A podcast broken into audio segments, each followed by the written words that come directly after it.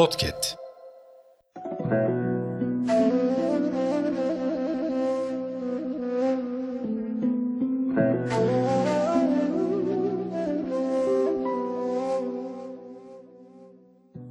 Nestağfirullah, nesta'izu billah, bismillah, elhamdülillah, ve salatu ala Resulillah.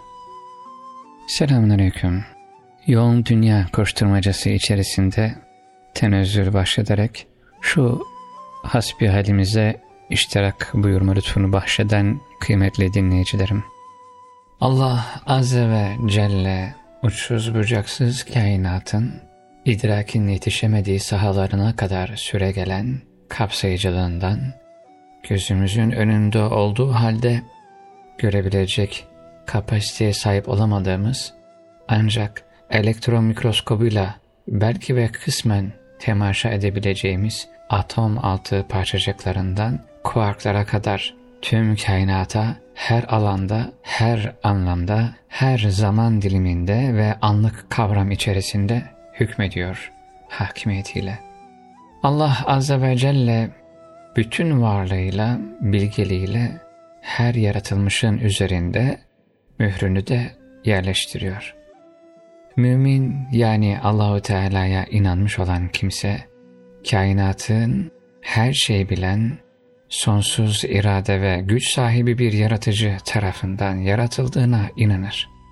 Bu yaratıcı, varlığında başkasına muhtaç olmayan zorunlu bir varlık. Eğer o da varlığında başkasına muhtaç olmuş olsaydı, yaratıcılık özelliğini taşıyan bir ilah olarak görülemezdi. İnkarcı olanlar bunun tam tersini düşünüyor. Onlara göre alem kendi kendini var edecek sonsuz bir akla, iradeye ve güce sahip. Aksi takdirde bu kadar hassas dengeler üzerine kurulmuş, kozmik bir sistemin varlığı söz konusu olamazdı.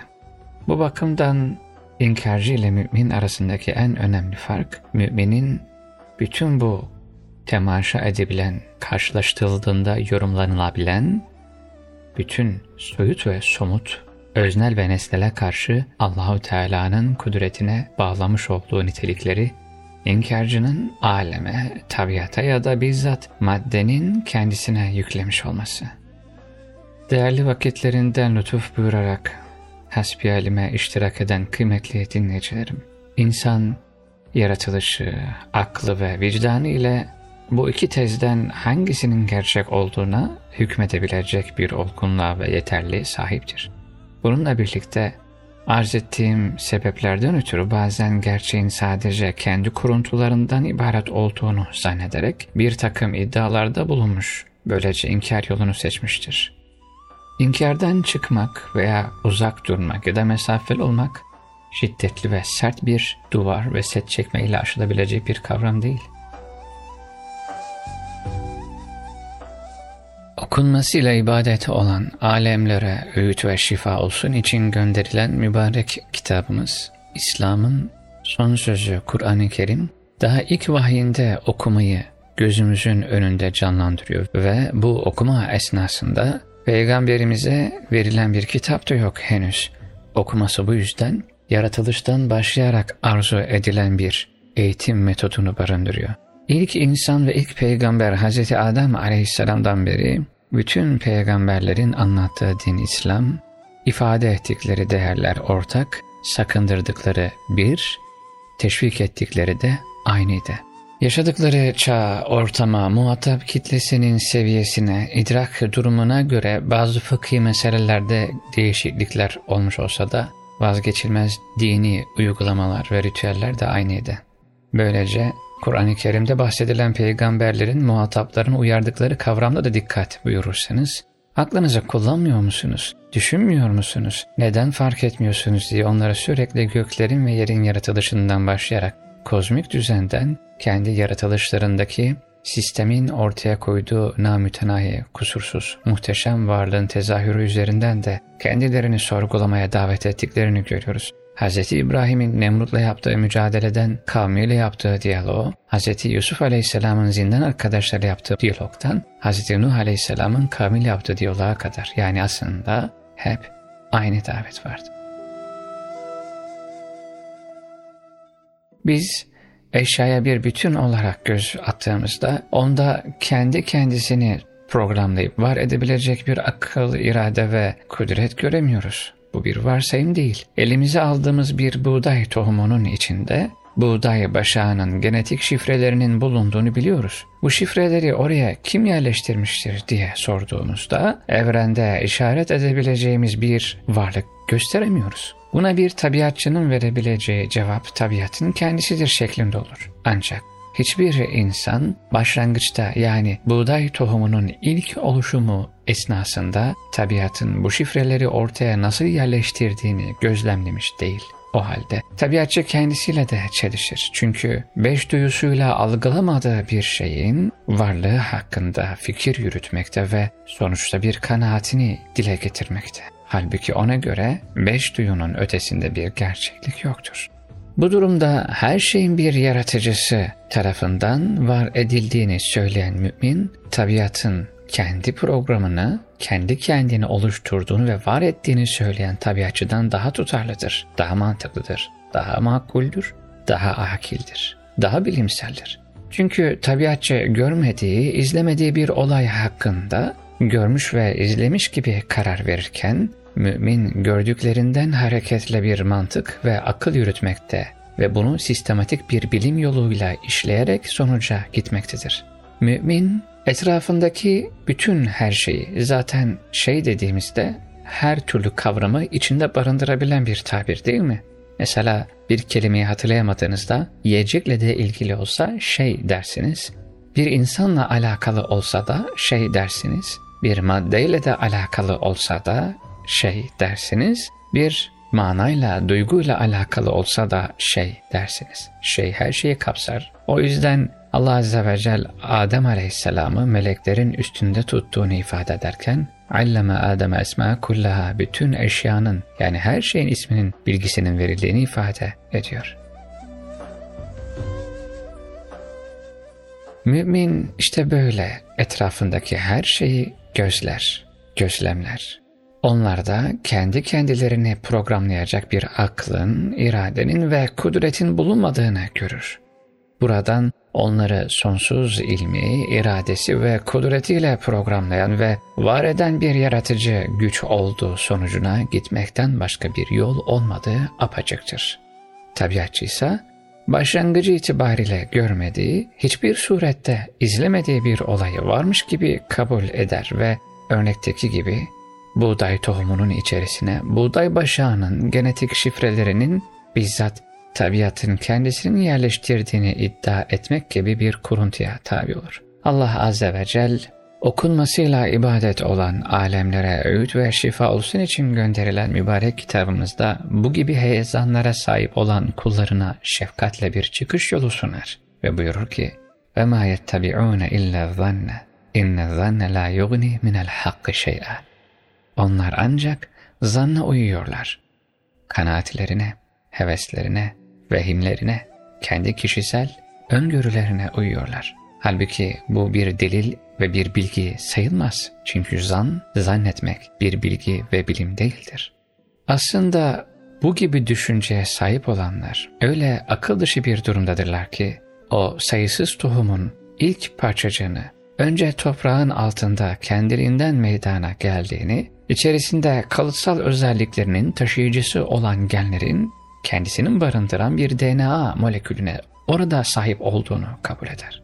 Sonra da radyasyon ve ani ısı değişimi gibi bir takım çevresel etkiler sonucunda değişime uğrayan DNA molekülünün içerisinde oluşan yeni genetik şifrelerin bir sonraki nesli doğuracak tohuma aktarılması yoluyla başka bir tohumu onların da aynı süreci izleyerek bir başkasını oluşturduğunu düşünür. Ancak onun bu ilk tohumun cinsini ve ondan sırasıyla hangi tohumunun ve hangi yönteminin evrildiğini bilimsel olarak ispat etmesi mümkün değil. Ayrıca o bu ilk tohumun içerisinde çıkardığı filizin genetik şifrelerini barındıran DNA'sındaki nükleotidlerin anlamlı ve düzenli sıralanışına hangi akıl, şuur ve irade ile sahip olduğunu da izah edemez. Böylece bu tür konularla da ilgilenmez. Sonuçta sorumluluğu hep diline doladığı o sihirli sözcüğün yani tesadüfen kelimesinin omuzlarına yıkar. Çünkü bunların hiçbirisi onun gözlem ve deney alanı içerisinde değildir. Doğa ana der, tabiat ana der, toprak ana der, ağaç baba der, çeşitli isimler verir. Çünkü o bahsettiği varlık isimlendirmeleri kendisinde namaz kılmak, oruç tutmak, zekat vermek, tesettüre dikkat etmek, hak yememek gibi kişisel ve toplumsal sorumluluklar yüklemez. Kişinin Allah Azze ve Celle'ye karşı nefsinden kaynaklandırmaya çalıştığı şeytana bile rahmet okutacak ayrılığının sebebinde de bu sorumluluklar aslen gelmekte. O yüzden İslam'ın felsefi bakış açısı diye tabir ettiği iman esasları ve yorumları herkesin hoşuna gider. Ancak ilimden ve bilgiden nasip olmadığı müddetçe emirlerin içerisinde bulunan hikmetler ile nehilerin içerisinde barındırılan hakikatlerden uzak kalmanın vermiş olduğu etkiyle soğur, mesafeli olur ya da görmezden gelmeye çalışır. Tabiatçının, evrimcinin ya da agnostiğin ya da ve benzeri sonu izimle biten düşüncelerin içerisinde bulunanların cevap vermesi gereken temel sorulardan birisi de şu. Nasıl olmuştur da tesadüflerin eline terk edilmiş bir süreçte mineraller, madenler, bitkiler ve hayvanlar arasında tam bir uyum sağlanabilmiştir? Hangi akıl, şuur ve irade binbir çeşit sebze ve meyveleri insanın damak zevkine, daha da önemlisi onun biyokimyasına uygun bir yapıya olacak ve uygun düşecek şekilde muhafaza etmeyi başarabilmiştir. Manava gittiğinizde herkes başka bir şey düşünebilir. Bazıları enflasyonu görür manava bakınca. Bazıları rengarenk yaratıcının önümüze koymuş olduğu harikulade renk sanatını. Bazıları kokusundaki ahenk karşısında kendinden geçer. Bazısı dizilişin içerisinde bulunan yapısal ve fayda anlamındaki özellikleri karşısında hayran olur. Meyve aynıdır ama meyveye bakanın gözü aynı göz değildir. İçerisinde yeryüzündeki en gelişmiş canlı türü olan insanın da yer aldığı hayvanlar alemine gelince durum orada çok daha karmaşık. Bu alem içinde hala cevap arayan onlarca hatta milyonlarca soru var. Mesela milyonlarca canlı türü nasıl olmuştur da tek bir hücrenin kendi kendine meydana geldikten sonra gelişip çoğalmasına izleyen evrimsel bir sürecin sonucunda oluşmuş. Arz etmeye gayret ettiğim kelimelerin cümlelere yansımış olan halini, belki bulunmuş olduğunuz ortamda idrak kavramıyla biraz zorlanabilirsiniz. Çünkü hasbihalde asıl olan muhatabın gözünün içerisine bakmaktır. Varsayın ki beraber Eminönü sahildeyiz, elimize çayımızı almışız. Denizi izlerken sohbetimizi icra ediyoruz. Öylece kelimelerin anlamlarındaki derinlik idrakte kolay bir yol açacak. Değerli dostlar, akılsız, şuursuz ve iradesiz tabiat nasıl olmuştur da radyasyon ve ani ısı değişimleri gibi yine akılsız, şuursuz ve iradesiz olan çevresel etmenler aracılığıyla hayvanlar aleminde gözlemlediğimiz bu son derece düzenli ve anlamlı ilişkiler yumağını oluşturabilmiş. Eğer ilk canlı hücrenin başlangıçtaki üreme faaliyeti akılsız, şuursuz ve iradesiz DNA'sının kendi kendine eşlemesiyle gerçekleşiyor idiyse, sonradan nasıl olmuştur da her canlı organizma kendi atasından aldığı genetik veraseti tenasül yoluyla ardından gelen yeni nesilleri aktarmaya karar vermiş. Eğer bu tesadüflerin eline terk edilmiş değişim, mutasyon, adaptasyon ve modifikasyon sürecinin bir işi ise niçin insan kendi beyninin sınırlarını bile hala çözmekten aciz? Hangi tesadüf bu acizliği doğurabilecek bir mükemmelliğin altına imzasını atabilir? Daha açıkçası İlk olarak kendi kendine meydana gelen tek hücre nasıl olup da yine kendi kendine çoğalmaya başlamış ve çoğalmanın belli bir aşamasında birden karar değiştirip artık bundan sonra bölünerek çoğalmak yerine tenasül yoluyla çoğalmaya başlayacağız. O halde bu iş için ilk önce erkek ve bir dişi iki farklı cinse ayrılmamız gerekir diyebilmiştir. Daha basit bir ifadeyle bir hücreler yığını nasıl olmuştur da evrimsel sürecin belli bir aşamasında doğurganlık özelliğini kazanmıştır. Hangi tesadüf bu kadar kurnazca ve zekice bir açılımı sağlayabilir? DNA'ların kendi kendilerini eşlemesiyle çoğalan bu hücreler yığını, erkek ve dişi cinsi belirleme ve oluşturmaya nasıl karar vermiştir? Hücre içerisinde yer alan DNA'ların yapılarındaki nükleotitlerin özel ve anlamlı dizilişlerine bağlı olarak değişiklik arz eden kalıtsal özellikler hangi aklın, şuurun ve iradenin bir tasarrufu? Tek bir hücre son derece karmaşık canlıların oluşumuna dayanak oluşturabilecek zenginlikte bir programı işletme aklını, bilgisini ve iradesini kimden ya da nereden almış olabilir? Çünkü eğer daha sonraki en gelişmiş canlının hayat programı bütün canlıların kaynağı olan bu tek hücre içerisinde programlanmış ya da genetik olarak kodlanmış değilse, daha sonra oluşan bu canlılar söz konusu programları ya da birbirinden çok farklı genetik şifreleri kimden almıştır ya da nereden edinmiştir? Hangi evrimci meydana gelen ilk hücrenin hayat programını ya da bütün canlılara kaynaklık edebilecek zenginlikteki genetik özelliklerini inceleyebilmiş? Aslında evrimci adına bir hüzünlü, hazin tabloda şöyle.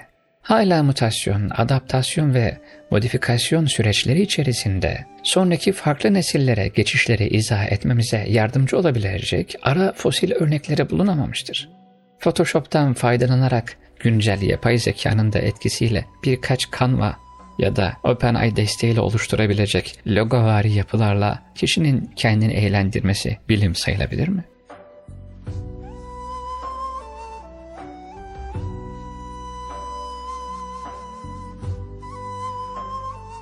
Sevgili dostlar, evrimcinin dilinde bu tür sorulara cevap olarak ileri sürdüğü hep bir tane sözcük var. Tesadüf. Ona göre her şey milyarlarca yılı kapsayacak ölçüde çok yavaş ilerleyen bir evrimin evrimsel bir süreci izleyerek tesadüfi eseri meydana gelmiştir. Kendi yaşadığı hayatta hiçbir şeyi hesapsız ve plansız yapmayan insan, kainatta milyarlarca yıldır işleyen ve hala işlemeye devam eden ultra makro bir sistem içerisindeki muhteşem işleyişi bir tesadüfe nasıl bağlayabilir? Bugün bilim söz konusu evrimsel süreci hızlandırabilecek teknolojik imkanlara kavuşmuş. Canlı hücrelerin biyolojik yapıları, bunların nasıl oluştukları ve çalıştıkları konusu büyük ölçüde zaten aydınlanmış. O halde ileri teknolojiyle donatılmış laboratuvar ortamlarında canlı hücreler üretebilmeli ve bunlardan daha karmaşık yapıdaki gelişmiş canlılar meydana getirilebilmeli. Ancak buna yalnızca Marvel ve DC filmlerinde ortaya koyabiliyorlar. Bu konuda henüz tek bir adım bile atabilmiş değil. Hatta Kur'an'ın meydan okuduğu ifadeyle bir sinek yaratmaktan bile acizdir. Çağdaş bilim insanları bunca imkanlara rağmen tek bir canlı hücreyi bile meydana getiremezken akıldan, bilgiden, bilinçten ve iradeden yoksun bir tabiatın nasıl olmuş da hem de tesadüflere bağlı olarak milyonlarca yaratılış harikası canlıyı var etmeyi başarabilmiş olduğunu düşünebilir insan. Kur'an-ı Kerim'de insanın ilk yaratılışla ilgili bir bilgi etme, edinme durumuyla alakalı imkansızlığı şöyle ifade ediliyor. Kehf suresi 51. ayette. Ben onları ne göklerin ve yerin yaratılmasında ve ne de kendilerinin yaratılmasında hazır bulundurdum.'' Sapıtanlara hiçbir işte asla yardımcı da edinmedim. Ayrıca Kur'an, varoluşun kökenini bizzat tabiatın kendisine ve evrimsel süreçlere bağlayanları şu sorularla muhatap kılıyor. Onlar mı hayırlı yoksa gökleri ve yeri yaratan, gökten size su indiren mi? O suyla bir ağacı bile bitirmeye gücünüzün yetmediği güzel güzel bahçeler bitirdik. Allah ile birlikte başka bir ilah mı var? Doğrusu onlar sapıklıkta devam eden bir güruhtur. Onlar mı hayırlı? Yoksa yeryüzünü oturmaya elverişli kılan, aralarından, yer altından ve yer üstünden nehirler akıtan, arz için sabit dağlar yaratan, iki deniz arasına engel koyan mı? Allah'tan başka bir ilah mı var? Doğrusu onların çoğu hakikatleri bilmiyorlar.'' Onlar mı hayırlı yoksa darda kalana kendine yalvardığı zaman karşılık veren ve başındaki sıkıntıyı gideren, sizi yeryüzünün hakimleri kılan mı? Allah'tan başka bir ilah mı var? Ne kadar da kıt düşünüyorsunuz. Onlar mı hayırlı yoksa karanın ve denizin karanlıkları içinde size yol bulduran, rahmetinin, yağmurun önünde rüzgarları müjdeci olarak gönderen mi? Allah'tan başka bir ilah mı var? Allah onların koştukları ortaklardan çok yücedir, kusursuzdur, münezzehtir. Onlar mı hayırlı yoksa ilk baştan yaratan, sonra yaratmayı tekrar eden ve sizi hem gökten hem de yerden rızıklandıran mı? Allah'tan başka ilah mı var? De ki, eğer doğru söylüyorsanız siz kesin delillerinizi getirin. Değerli dostlar, Neml suresi 60 ve 64. ayette düşünmenin, akletmenin, iliklerine kadar davette bulunan bu harikulade çağrı, gönül dehlizinizin derinliklerine nüfus etmedi mi? İnsanların çoğunun bu hususlarda hiçbir bilgisi yok. Onlar sadece inkarcılıklarına bir temel oluşturabilmek için zanna göre hüküm veriyorlar. Casiye suresi 24. ayet aynen bunu anlatıyor işte. Kısaca ifade etmek gerekirse biz tabiata bir bütün olarak göz attığımızda onda kendi kendisini programlayıp var edebilecek bir akıl, irade ve kudret göremiyoruz. Akıllı, şuurlu ve bilgili bir varlık olarak insan, evrenin gözlemlenebilen bölümündeki en üstün yaratık olmasına rağmen kendi kaderine hakim olamadığı halde nasıl olur da böylesi bir tabiat kendi kaderinin hakimi olarak kendi kendisini var edebilir? Öyleyse bu hasbihalimizi bitirirken kişi sormalı kendine, ben bana, sen sana sormalısın. Kainattaki sayılamayacak kadar delile rağmen seni senin özünden engel olup uzak tutan nedir? Cevabı da açık belli. Ben biliyorum. Sen de biliyorsun. En büyük engel sensin. Dünya hayatındaki sayılı ömür sermayesi içerisinde cennet tadında bir hayatı yaşayabilecek imani seviyeye ulaşmanın önündeki engel sensin. Hz. Adem'den Hz. Muhammed'e kadar salavatullahi ve selamuhu aleyhim ecmain Peygamberi İzam Hazretlerinin anlatmış olduğu fıtrata en uygun hakikatlere koşmanın önündeki engel sensin. Nefsimizin arzularına, sosyal medyada akıp gitmekte olan sahte hayatların insanın şehvetini, çölün ortasında susuzluğa maruz kalmış bedevinin hali gibi oradan buraya sürükleyen haz ve hız peşindeki koşturmacaları sana engel olmuyor. Sen engel oluyorsun. Ben bana, sen sana engelsin. Benim bana, senin de, sana sözün geçer. Haydi, bir sonraki hasbihale kadar. Sen sana konuş, ben bana konuşayım. Sonsuz şefkat, engin merhamet sahibi olan Allah Azze ve Celle, kendisine yönelmek isteyene kapı açar. Bizleri yoktan var edecek kadar bize değer verip, hayat hakkı ikram edecek kadar seven, her geçen gün hatalarımızdan arınıp kendisine layık kul olabilmemiz için fırsatlar sunacak kadar şefkat gösteren, usulünce edilen dualara icabet edip dünya ve ahiret mutluluğunu sevgili Peygamberimiz Hz. Muhammed'imizle gösteren sonsuz şefkat ve engin merhamet sahibi Allah'ımız, kabul edilmedik dualarımız, affedilmedik hatalarımız, hayra dönüşmeyen gayretlerimiz, bereketini görmediğimiz anlarımız eksik etmesin. Allah'a emanet olun.